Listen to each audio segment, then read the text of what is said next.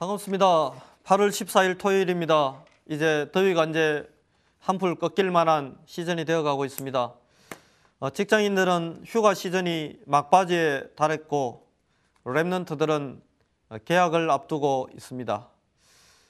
올여름에 받았던 말씀들이 어, 성취될 현장이 우리를 기다리고 있습니다. 휴가를 끝내고 이제 본격적인 어, 직장 생활을 하게 될 것이고 방학을 끝내고 본격적인 학교 생활을 통해서 주신 말씀이 나와 학교와 또 직장 현장에 지역 현장에 어떻게 성취되는지를 어, 체험할 수 있는 기회가 왔습니다. 방학이 끝난다고 이제 두려움과 또 짜증을 내는 랩런트가 있다면 여러분이 가야 될 현장입니다. 여러분에게 하나님이 예배 놓으시고 응답 주실 현장입니다. 휴가를 생각하면서 아직도 잠에 취해 있는 직장인들이 있다면 하나님이 본격적인 추수의 시간표를 주실 가을이 다가오고 있습니다. 마음속에 설레임과 기대가 시작되기를 바랍니다. 8월 14일 토요일 복음의 정인 이 주제를 가지고 기도 수첩을 시작합니다.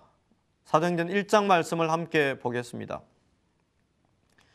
오직 성령이 너희에게 마시면 너희가 권능을 받고 예루살렘과 온 유대와 사마리아와 땅 끝까지 이르러 내 정인이 되리라 하시니라. 아멘. 하나님은 우리를 복음의 정인으로 불러 세우셨습니다. 이 복음은 사람을 살리는 것이기에 복음의 정인인 우리는 사람을 잘 이해해야 합니다. 교인을 이해해야 하고 중직자를 이해해야 하고 교회 내에 있는 교역자를 이해해야 하고 성도를 잘 이해해야 합니다. 불신자를 이해해야 하고 우리는 랩런트들도 이해해야 합니다. 교회 안에는 가진 자도 있지만 소외된 분들도 있습니다. 교회 안에는 엘리트도 있지만 지식이 풍성하지 못한 분들도 있습니다. 교회 안에는 성공자도 오지만 실패자도 옵니다. 교회 안에는 많은 목회자와 중직자와 교인들이 실타래처럼 얽혀 있는 인간관계로 맺혀 있는 것이 교회입니다. 그러므로 중직자를 이해하고 교인을 이해하고 교회를 이해하고 목회자를 이해하는 것은 무엇보다 중요합니다. 이렇게 서로를 이해하고 수용하고 용납하고 원리스를 이룰 때 하나님의 역사가 시작되기 때문입니다. 하나님이 누구에게 증거를 주십니까? 하나님이 증거를 주시는 분들은 몇 가지 특징이 있습니다. 첫 번째, 누구에게? 하나님은 누구에게 증거를 주십니까? 어떤 사람에게 하나님께서는 증거를 주십니까? 확실한 답이 나온 사람입니다. 예수만 그리스도라는 답이 나온 사람입니다. 예수가 그리스도라는 답이 나온 사람입니다. 그 그리스도가 나의 그리스도 되는 비밀을 가지고 있는 사람에게 하나님은 확실한 증거를 주십니다. 이 그리스도의 비밀을 붙잡고 있는 사람이 두 번째, 하나님의 나라를 소망하고 기다릴 때. 방학이 끝나갑니다. 여러분, 학교에 가기 싫습니까?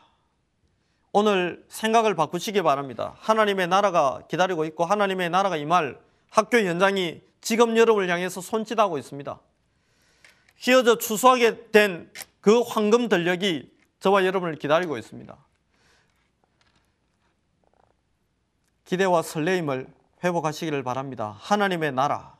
세 번째, 성령 충만의 방법을 알고 누리는 그들에게 하나님은 증거를 주십니다. 성실도 방법입니다. 착실도 방법입니다. 그러나 확실한 방법은 성령 충만입니다.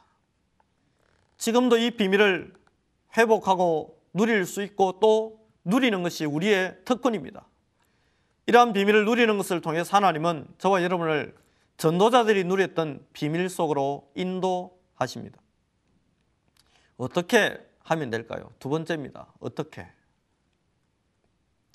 자신을 진실하게 이해하면 제대로 된 답을 얻게 됩니다.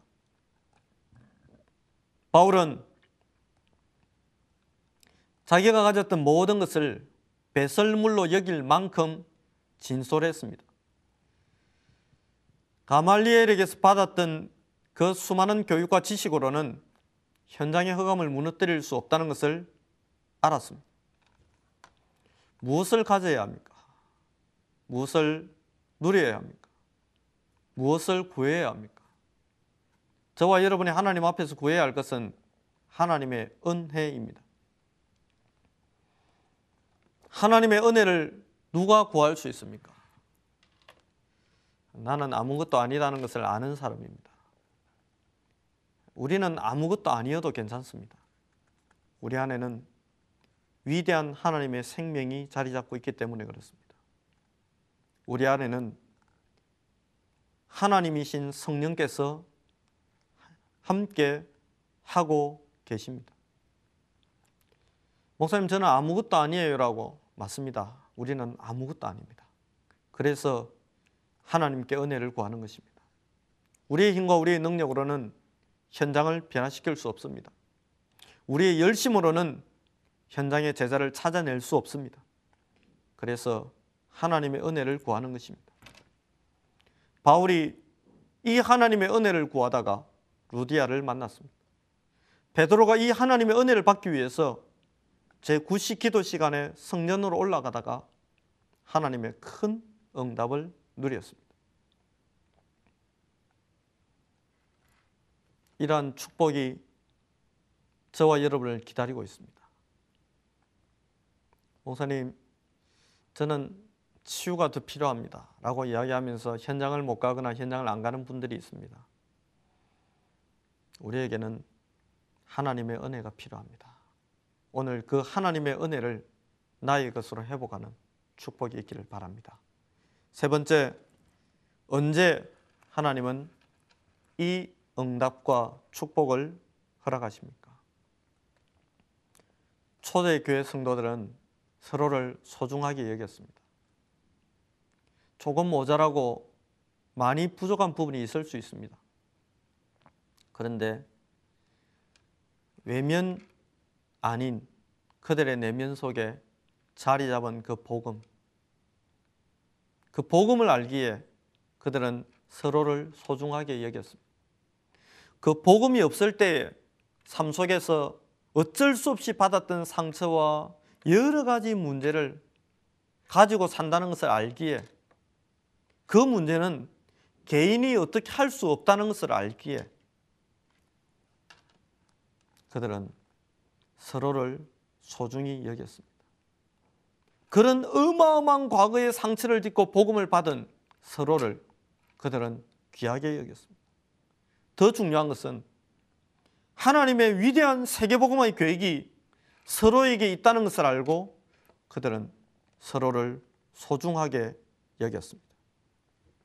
이때 하나님의 성령께서 역사하시는 성령의 역사가 시작되었고 이 성령의 역사 속에서 전도의 문이 열리고 말씀이 성취되며 제자가 세워지는 응답이 있었습니다. 자신의 전 재산을 내어놓을 만큼 그들은 성령 충만했고 원리스를 이루었습니다. 오늘 이 응답이 저와 여러분의 현장에 회복된다면 하나님은 초대교회에 일어났던 그 전도 운동을 저와 여러분의 현장에 회복시킬 것입니다. 오늘의 포럼을 나누겠습니다. 내가 가진 복음의 비밀을 깊이 묵상하고 누리는 시간을 가져보세요.